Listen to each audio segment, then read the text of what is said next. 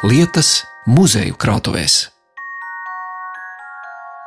Vai šis ir krājuma vai Krājums, jā, šis, Šis ir tagad krājuma skatīsim. priekšmets, un mēs skatāmies uz gleznotāja Pētera Postaža darbu, bet Pēterim Postažam kāda saistība ar masalācu? Ar Pēteru Postašu kā mākslinieku tāda ļoti jauka sadarbība mums veidojusies. Jo tad, kad dažus gadus atpakaļ Pēterim Postašam bija izstāde Valmierā, aizbraucām, sarunājām, kad arī viņš Masalcā varētu ar saviem darbiem paviesoties. Un, protams, tas tā arī notika. un Tad uh, uzaicinājām viņu ciemos, un tad viņš izdomāja, ka ir jāuzdāvina arī Masalcas muzejam savu darbiņu. Un šī ir tāda ļoti jauka glezna, kur viņš vienā gleznā centās ielikt iekšā visu, kas ir Masalcē, viņuprāt, raksturīgākais. Valtenberga mūža ir uzgleznot ļoti skaisti. Tur, Til- kur arī muzejs atrodas. Jā, muzejs atrodas Valtenberga mūža pirmajā stāvā, skaistā maistātiskā celtnē. Un muzejā ir astoņas pamat ekspozīcijas. Visam cauriet dzimtkoki, bet šeit ir arī Vēlniņš, raganiņa, kur Valtera Hirts koku skulptūru raganiņa uzzīmēta. Tad mums ir peļu kolekcija, 1300 un ir rotaļpils, arī šeit ir pelīts ielikts. Šeit ir arī eņģeļāla, šeit ir arī kā Masalcā ļoti darbīgi darbojās mūzikas un mākslas skola ģitāra, kā mūzikas instruments un mākslinieka palete, kā mākslas skolai. Un, protams, Masalcas pilsētas ķērbonis. Tā viss ir vienā glezniņā, jauki, skaisti ielikts, tā krāšņi un, un viss tas raksturīgākais par Masalcu ir pateikts. Šo Pētera postaža darbu, kur ir uzgleznots kultūras kods nelielajai Ziemeļvidzemes pilsētai, var apskatīt ik viens, kurš ienāk Masalacas muzeja gaitenī. Dzimtas kokus un pāri par tūkstoti rotaļu pelis un arī kogriezēju Valtera Hirtas greptos kloņģīšus var aplūkot muzeja ekspozīcijā, un par šiem eksponātiem savulaik jau ir izskanējis raidījums. Tāpēc šoreiz pavērsim durvis uz mazāk zināmiem un retāk redzamiem priekšmetiem, kas atklās stāstus par masalacas cilvēkiem. Šajā raidījumā mēs laposim kloņģīšu meistara kokteilnieka Valtera Hirtes dienas grāmatu, ielūkosimies Nellijas Nurmikas sarakstītajā pilsētas kronikā un uzzināsim, kāpēc te ar vien vēl piemin rokdarbnieci Mirdzu Paegli. Nebaidīšos teikt, ka viens no labāk zināmajiem masalacas simboliem ir kokteilnieka Valtera Hirtes darinājumi, jeb kā viņš pats tos sauca, kloņģīši. Jau puikas gados Valters Hirte, izmantojot dieva un dabas dotu talantu, neskaitāmās koka figūriņās iemūžināja gan Latvijas, gan citu zemju dižgarus, gan vietējos pilsētas iedzīvotājus, gan zvērus, gan vēlniņus un draganas. Popularitāti ārpus dzimtā novada Hirte ieguva pateicoties kinorežisoram Jānim Streičam, kurš kogriezēja darbus parādīja un viņa raksturšķautnes iedeva aktiera Evalda Valtera atveidotajam čakānam filmā Mans draugs nenopietns cilvēks.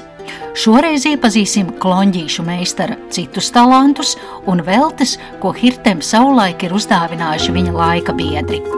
Sekoju muzeja vadītājai Vijai Rozenbergai uz krājuma telpām.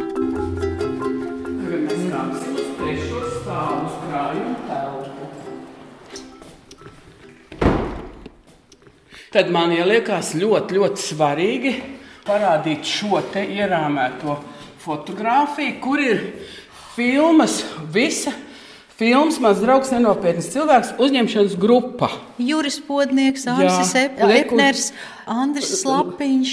Un tā šī fotografija viņa dāvināta Walteram Hirtem. Ir 83. gadā Rīgā viņam, Valteram Hirtem, bija 70 gadu jubilejas izstāde. Tajā laikā planetārijas, tad katedrāli. Un tad arī uz izstādes atklāšanu tika šī fotografija uzdāvināta. Un paraksts, kad mūsu kino varonim, meistaram Hirtem no grupas 1983. gada 30. augustā, operators Juris Podnieks. Ā, Melnbalta fotografija, bet tas ir Rīgā, ja kaut kur Daugaumā. Tas jā, jā, jā. Jo mēs redzam fonā upi, kuģi, Es nezinu, tā, vai tas nav no otras puses, jo tā nav vecrīga. Tā, Tā, liekas, jā. ir pārdaugā. Un šeit mēs redzam padomu laika kravas mašīnu, kurai aizmugurē atsprākleniski piejūgti divi zirgi. Vai, un te mēs varam paskatīties arī tās tehnoloģijas, kā ir gājušas uz priekšu, jo tur tas droši vien ir filmas skaņu operators. Un, un viņam klēpī ir lēnšu magnetofons, kur to laiku rakstīja skaņu. Jā. Vai ir zināms, eh, Walters Hirte, ko viņš, viņš šo dāvanu novērtēja, kur viņš viņu ir glabājis? Nu, es domāju, ka viņš jau bija tik ļoti, ļoti savā būtībā labestīgs, sirsnīgs, jauks. Vienkārši, kad, eh, manuprāt, viņi, noteikti viņi bija viņam pie sienas.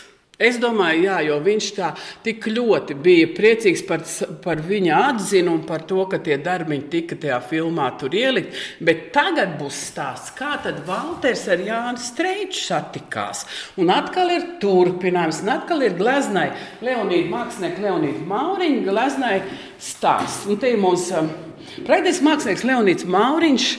Arī bija tāds ļoti ciets rieks, nemaz viņš tā neizstādījās visur ar saviem darbiem un gleznām, bet arī mums vēl vecajās muzeja telpās izdevās ar viņu sarunāt, jo Leonīds Mauriņš katru gadu vasaras pavadīja šeit pat netālu promultu mājās, kur Pēters Hinsenbergs, kordirģents, ir dzīvojis savā mājās. Tur viņš pavadīja vasaras, vasaras mājās. Un Leonīds Mauriņš, kā tāds mākslinieks, nu, kā radošs, jauks cilvēks, nejauši sastapās ar Walteru Hirti.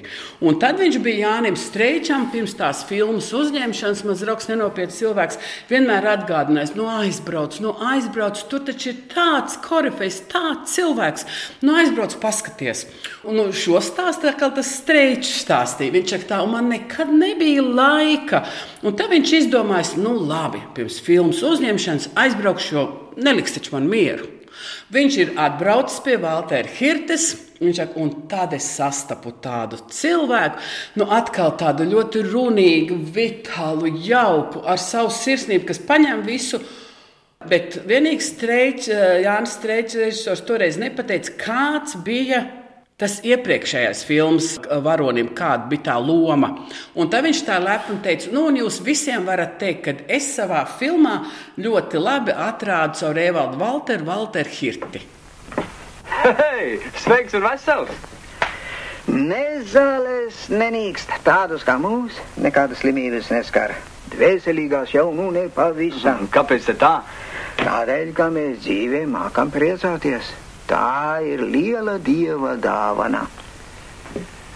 Tu zini, kā man darbā sauc? Nu, Par klaunu. Ah, zini, mani arī visi uzskata par ķertu. Tā jau tas ir. Ja tu nedomā par vēderu, par lupatām, tad tu būsi ķerts. Par tevi smieties. Ņem vērā. Tikai stiprie ļaudis var atļauties, kā par viņiem smējas. Nu, lai smējas, arī mums caur to tiek kāds prieks. Viņš saka, tad es sapratu, ka man pilnīgi viņš ir jāieliek tajā filmā. Un tā atkal caur Leonīdu Mauriņu Valters Hirts apzinās ar Jānu Streiču, un tā atkal tā viņu kopdarbība turpinās.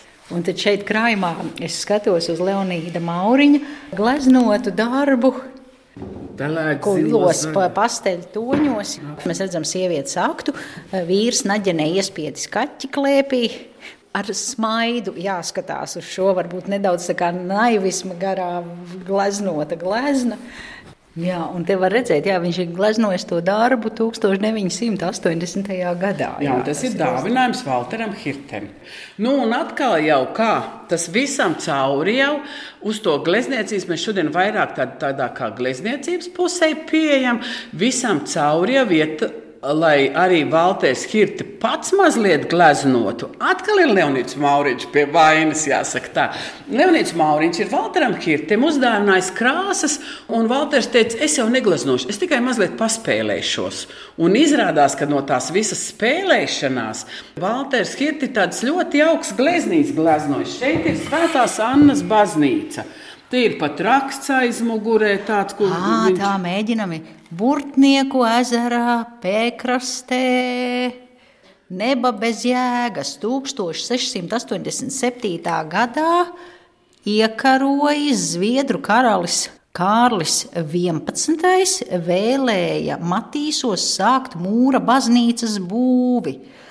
Tālāk tur grūti kaut ko saburtot ar pelēku laukakmeni. To ir Jā. rakstījis Hits, tas ir vienkārši viņa rokraksts. Pierakstījis īsu vēsturi jā. savā stilā, un viņš uz šāda vienkārši finiera ir uzgleznojis. Astoņu stūri tādu, jā, Jā, uz uzgleznojis. astoņstūra koka pamatnes Ma- baznīcu. Baznīcu, jā. Un atkal tas tieši, kad Leonīds Mauriņš viņam uzdāvina krāsas. Un šeit ir vēl viena Valtēra Hirtas glezna, aplis tāds. Un šī te man ļoti patīk. Arī uz finiera apļa. uz finiera apļa, un tā ir uh, Imants Ziedoņa un Ausmas Kantānas māja Mūrjāņos, kur arī Valters Kirts ir ciemojies pie Imants Ziedoņa un Ausmas Kantānas, tur griezis dārza skulptūriņu, un, un, protams, ir arī uzgleznojis to viņu mājiņu. Un atkal ir jaukākais tas, ka tiešām tā filozofija, doma, nu kā atkal. Imants Ziedonis arī ļoti labi sapratās ar Walteru Hirtu. Mums pat ir vairākas Imants Ziedoņa un Ausmas Kantānas skulptūriņas, kur Walters Hirts ir veidojis. Un Imants Ziedonis savā atmiņā ir rakstījis, ka vakars ir paskrējis tik ātri tādās jaukās sarunās, kad pat nav manījis, ka, ka tad, kad bija atbraucis pie Waltera, kad nav manījis, ka jāsteidzās ātri uz rīta vilcienu. Mēs redzam jā, šo gareno mūrjāņu mājas, kur tagad ir Ziedoņa muzejs iekārtots eh, jumtu. No augšas līdz lejai vienā pusē bērns, tur divas vāverītes sēž un pamatīgas eglis ar divām pūcēm. Un tad tur vēl tajā jumta korē kaut kas ir iesēdies, un divi zaķi priekšplānā. Jā, nu, nedaudz tāds pasakains motīvs. Tad mēs varam domāt jā, par ziedoņa eh, blēņām un pasakām, skatoties uz šo darbu. Un, protams, ka ļoti, ļoti, ļoti, ļoti liela vērtība ir paši Valtera Hirtes rokraksti, kas man liekas ir miljonus vērti. Tās savas būrnīcas, kurās viņš ir pierakstījis par darbiņiem, par visu, viņš ir sašuvis tādās divās lielās grāmatās. Tur ir būrnīcās viss aprakstīts, numurēts par tiem viņa darbiņiem. Un tādas šeit ir divas lielas grāmatas, un šeit pat arī ir Valtera Hirtas atziņas, viņa paša rakstītas. Un tās grāmatas, tām ir finiera vāki, ko arī pats, es saprotu, Valters Hirts. Jā, jā. Un tas viens pirmās grāmatas vāks arī ir apgleznots. Te mēs redzam, lauka malā sēž ganiņš, un viņam viens sauns grasās ganiņu badīt, bet tam aunam astē ir ieķēries suns. Un tas ir Tūters Ozols, un tas ganiņš ir pats mazais Valters. Jo viņš ganu gaitās gāja, mazs bērns būdams, dzīvoja netālu no Tūters Ozola, un, un pie Tūters Ozola viss ganu gaitas tā arī pavadīja. Un tas ir viņš pats, kas sēž un sapņo. Skaidrojums. Tūteris ozols savulaik bija viens no dižākajiem un vecākajiem kokiem Latvijā. Kad 1967. gadā vētrā koks nolūza, tad no šī ozola Valters Hirte ir darinājis daudzus savus kloņģīšus. Bet tagad neliels ieskats paša Valtera Hirtas atziņās no dienas grāmatas, kuru vēlāk apkopoja un izdeva mākslas zinātnieks Jānis Kalnačs grāmatā ar nosaukumu Ja patiesību varētu teikt. Es dzīvē neuzdrošinājos lielus mērķus spraust. Gāju un ar daudziem maziem savu sasniedzu, nenožēloju. Cik bieži mēs iegūto laimi zaudējam, pēc neiegūtas tiecoties. Naktspots paliek naktspots, kaut ietērpts tas zīdā. Buča bez kaisles līdzinās viltotai naudai. Pēc māmas teiktā iznāk, ka esmu dzimis 1913. gada 1. septembrī, pulksten 6 no rīta Masalacas mācītāju muižā. Kristīs Grāvis, mācītājs. Tur tad arī sācies mans pirmais jūtu pārdzīvojums. Man jau tad, četru gadu jaunam, piederējis īpašums, sava vistiņa, kura izperējusi tikai vienu cālīti. Tur laikam sākās mana pieticības izjūta. Pieticībā jau vēl neizpaužas nevarība. Jānis Streičs atbrauca 1975. gadā filmēt manus robotos kloņģīšus, bet par kloņģu izmantošanu vēl plus izmaksāja 125 rubļus, par ko nopirku šīferi savas pusbūdiņas jumtam, kurš bija tik caurs, ka varēja redzēt, kā saule rītā uzlec un vakarā noiet. Jānis Streičs mums ar sieviņu nesa saldumus, kā zinādams, ko vēlamies, un nevaram atļauties katru reizi. Mans draugs nenopietns cilvēks min paratam vēl šodien, un cik tas ir jauki. Man jau reizēm liekas, ka viņš tāds liels bērns visu dzīvi. Bija. Viņš uz jebkuru situāciju ļoti labi raudzījās. Katrā centās atrast tikai to labāko. Nu, ja tā var cilvēks nu, tiešām to savu dzīvi veidot, dzīvot, nu, laikam arī tādēļ ir viņam tie darbiņi tik fantastiski jauki un visa tā uztvere un tie aprakstiņi. Man bija tā laime dzīvē no septiņu gadu vecuma sākt sev maizi pelnīt ēzdams dienišķo, sāku nogaršot garīgo. Tāpēc dzīvē, kas ir bijis labs, kas slikts, viss ir pašam, ne citam uzveļams. Kaut pleciem pašauriem. Ja gribi būt laimīgs, tad iemīlies ikdienā.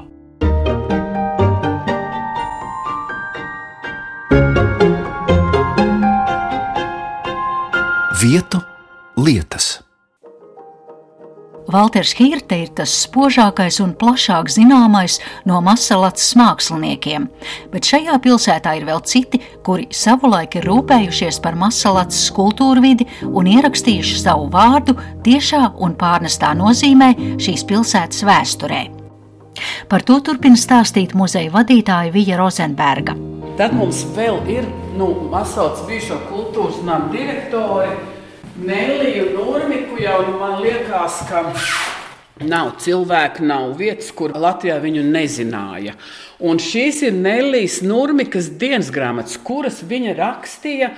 Un šī arī ir milzīga, liela masalacas vēsture, notikumi, kas visi ir aprakstīti. Gan ir izgriezumi no avīzēm, gan kas pie viņas ir ciemojušies, kādi ir pasākumi notikuši. Un atkal šī ir tā vieta, kur Šajās ļoti daudzajās lielajās grāmatās sarakstītajā var atrast daudz un dažādas mirkļus. Ļoti bieži ir tā, ka vai, vai nu vajag masauts koru vēsturē kaut kādu datu nāk meklēt, vai man uzšķīrās mirdz paigla, kur ir masalats tāda leģendiņa, visi masalcāņi sauc par paegliņu, viņas tā dzīves notikumi vai šodien... Ar ko viņa tad es lūkšu pastāstīt? Pirmkārt, varbūt pastāstiet par pašu Nurmikas kundzi. Tie, kas nav masalacieši, lai iepazītu. Normika Nelija bija Masalcas kultūras nama direktore, kura, jāsaka tā, visiem cauri visiem padomju gadiem prata ļoti, ļoti neatlaidīgi saturīgi veidot. Mums bija tautas večās mākslas studija ļoti aktīva un darbīga. Mūsu masalcā tajos laikos bija ielīgošanas svētki, kad nebija nekur nevienam. Tad mums bija tādi vietējie vairāk un uz, uzaicināta dziesmu svētki. Tad bija nu, tāda ļoti aktīva, neatlaidīga kultūras dzīves virzītāja, vadītāja. Nu, viņa bija tāds cilvēks kultūrai. Viss, viss tika veltīts kultūrai. Un es skatos divi plaukti, kur ir līna vākos un arī samta vākos iesietas milzīgas, ne, ne grāmatas, kronikas tādas. Kronikas, ko viņi ir sakopojuši, un te atkal ir, te mēs runājam par masalats kultūras vēsturi. Jā. Tie ir padomju gadi, ja es saprotu. Nu, tie, jā, tie atnāk pie mums ir līdz 92. Aha, no 59. ieraudzīja pie pirmā. Un tad mēs tagad varam paskatīties, ko Nelija Nurmika ir iegrāmatojusi Masalats kronikā. Darbu uzsāk jauns kolektīvs. Šodien pirmais mēģinājums mūsu jaunajam kolektīvam. Ieradušies darbinieki arī no Kaļīņina vārdā nosauktā kolhoza. Partijas pirmās organizācijas sekretārs Strautiņš un kolhoznieks Rudiņu tēvs un citi. Ir arī kolhoza jaunais ceļš, vairāki puiši, taču vairums no pilsētas, skolotājs no Masalats vidusskolas. Ak, vai, un te ir vēsturiskas fotogrāfijas ar mākslas vingrotājiem, un mēs lasām, ka tas ir 59. gada 11. aprīlī pavasara svētkos. Paskatieties, 59. gads, Staļins ir miris, ir Hruščova laiks. Nekādas lieldienas mēs nesvinām. Un šeit ir ielīmēta kartīte, kur ir uzrakstīts sveiciens pavasara svētkos, bet mēs redzam, te ir porcelāna zilonīts, vāze ar pulpoliem un divas soliņas. Tā skaisti Tā norāda uz apslēpt, jā. apslēpt, jā. Jā.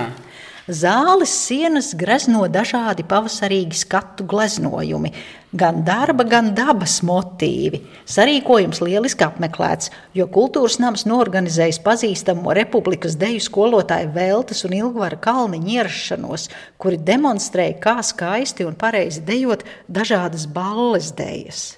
Uz lieldienām, nesaucot to par lieldienām, pavasara svētkiem. pavasara svētkiem. Par pavasara svētkiem. Pavasara svētkos bija uzaicināti Republikas jaunatnes festivāla laureāti Birta un Imants Eglīši, kur sniedza akrobātikas vingrojumus. Mēs redzam sievieti sporta tērpā riņķi un vīrietis, kas viņu tur viņu eh, vingro.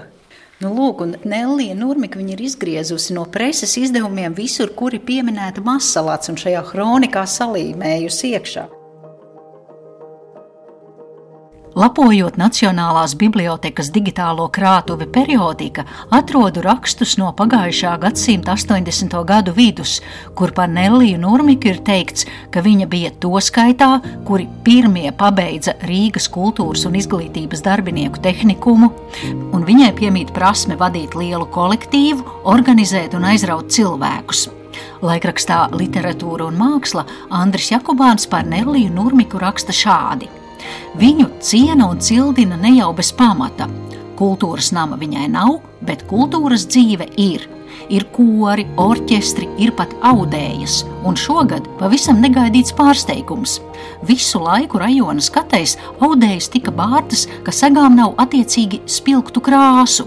Šogad atbrauca zinātājs no Rīgas un bija pārsteigts, cik precīzi šīs nespilgtās krāsas atbilst novada tradīcijām.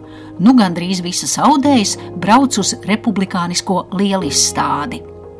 Un viena no šīm masalats saudējām toreiz bija arī Mirdza Paegle, pilsētas labais gariņš, kuru jau vairākas desmitgades daudzina un aizvien piemin masalacā.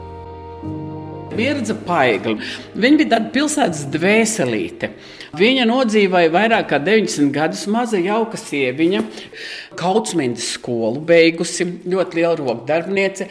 Tad viņa par skolotāju bija strādājusi, tad viņa kultūras namā strādāja. Tad viņa bija, man patika ļoti, ka Paigliņš, viņai bija tāds ekskursiju klubs. Nu, nu, tajā laikā norganizēja teātris biļetes, kultūras nams norganizēja autobusu, cilvēki varēja pieteikties, un Pēkliņš visus ved. Pēkliņam vienmēr bija groziņš līdzi ar kaut ko ēdamu, kārumu. Kad viņa vecāka palika un viņa staigā pilsētā, viņai vienmēr bija konfekts kabatā. Viņa mazs bērns vienmēr uzcienīja ar konfektēm. Nu, tāda pilsētas dvēselīte. Neviens viņu savādāk nesauc kā Pēkliņš. Tā bija iegājusi paiglis, maza, jauka, mīļa, tantīte, tāda ļoti, ļoti sirsnīga, tāda foršiņa. Un, un varbūt, ka mēs pat visi tā īsti viņas tās visas šķautnes pat neatpazinām. Bet man pašai tāda ļoti jauka tā bija, kad es ļoti sen atpakaļ. Man bija kaut kādi 15 gadi, mums Masalcā bija aušanas studija, un man tas tā kaut kā interesēja, un Paegliņš bija tas, kas man tur ieveda tajā visā tajā, un arī par to es varu būt ļoti pateicīga. Un viņa tāda neuzkrītoša, blakus stāvoša vienmēr bija. Tā kā pieskatīja, tā kā palīdzēja, nekur lieku, bet tikai to, ko vajag. Nes kā, kā viņa mācīja katrā brīdī būt blakus. Tādi bija stāsti par trim masalats iedzīvotājiem un viņu devumu gan dzimtai pilsētai, gan Latvijas kultūra telpai, un uz kuriem var attiecināt kokteilnieka Valtera Hirtes atziņu: lieli vīri liek atcerēties sevi pieminekļos, mazie vīri savos darbos. Ar to arī izskan šis raidījums, un par to es paldies saku Masalacas muzeja vadītājai Vijai Rozenbergai. Raidījumu veidoja Zane Lāce Baltāuksne. Vietu lietas.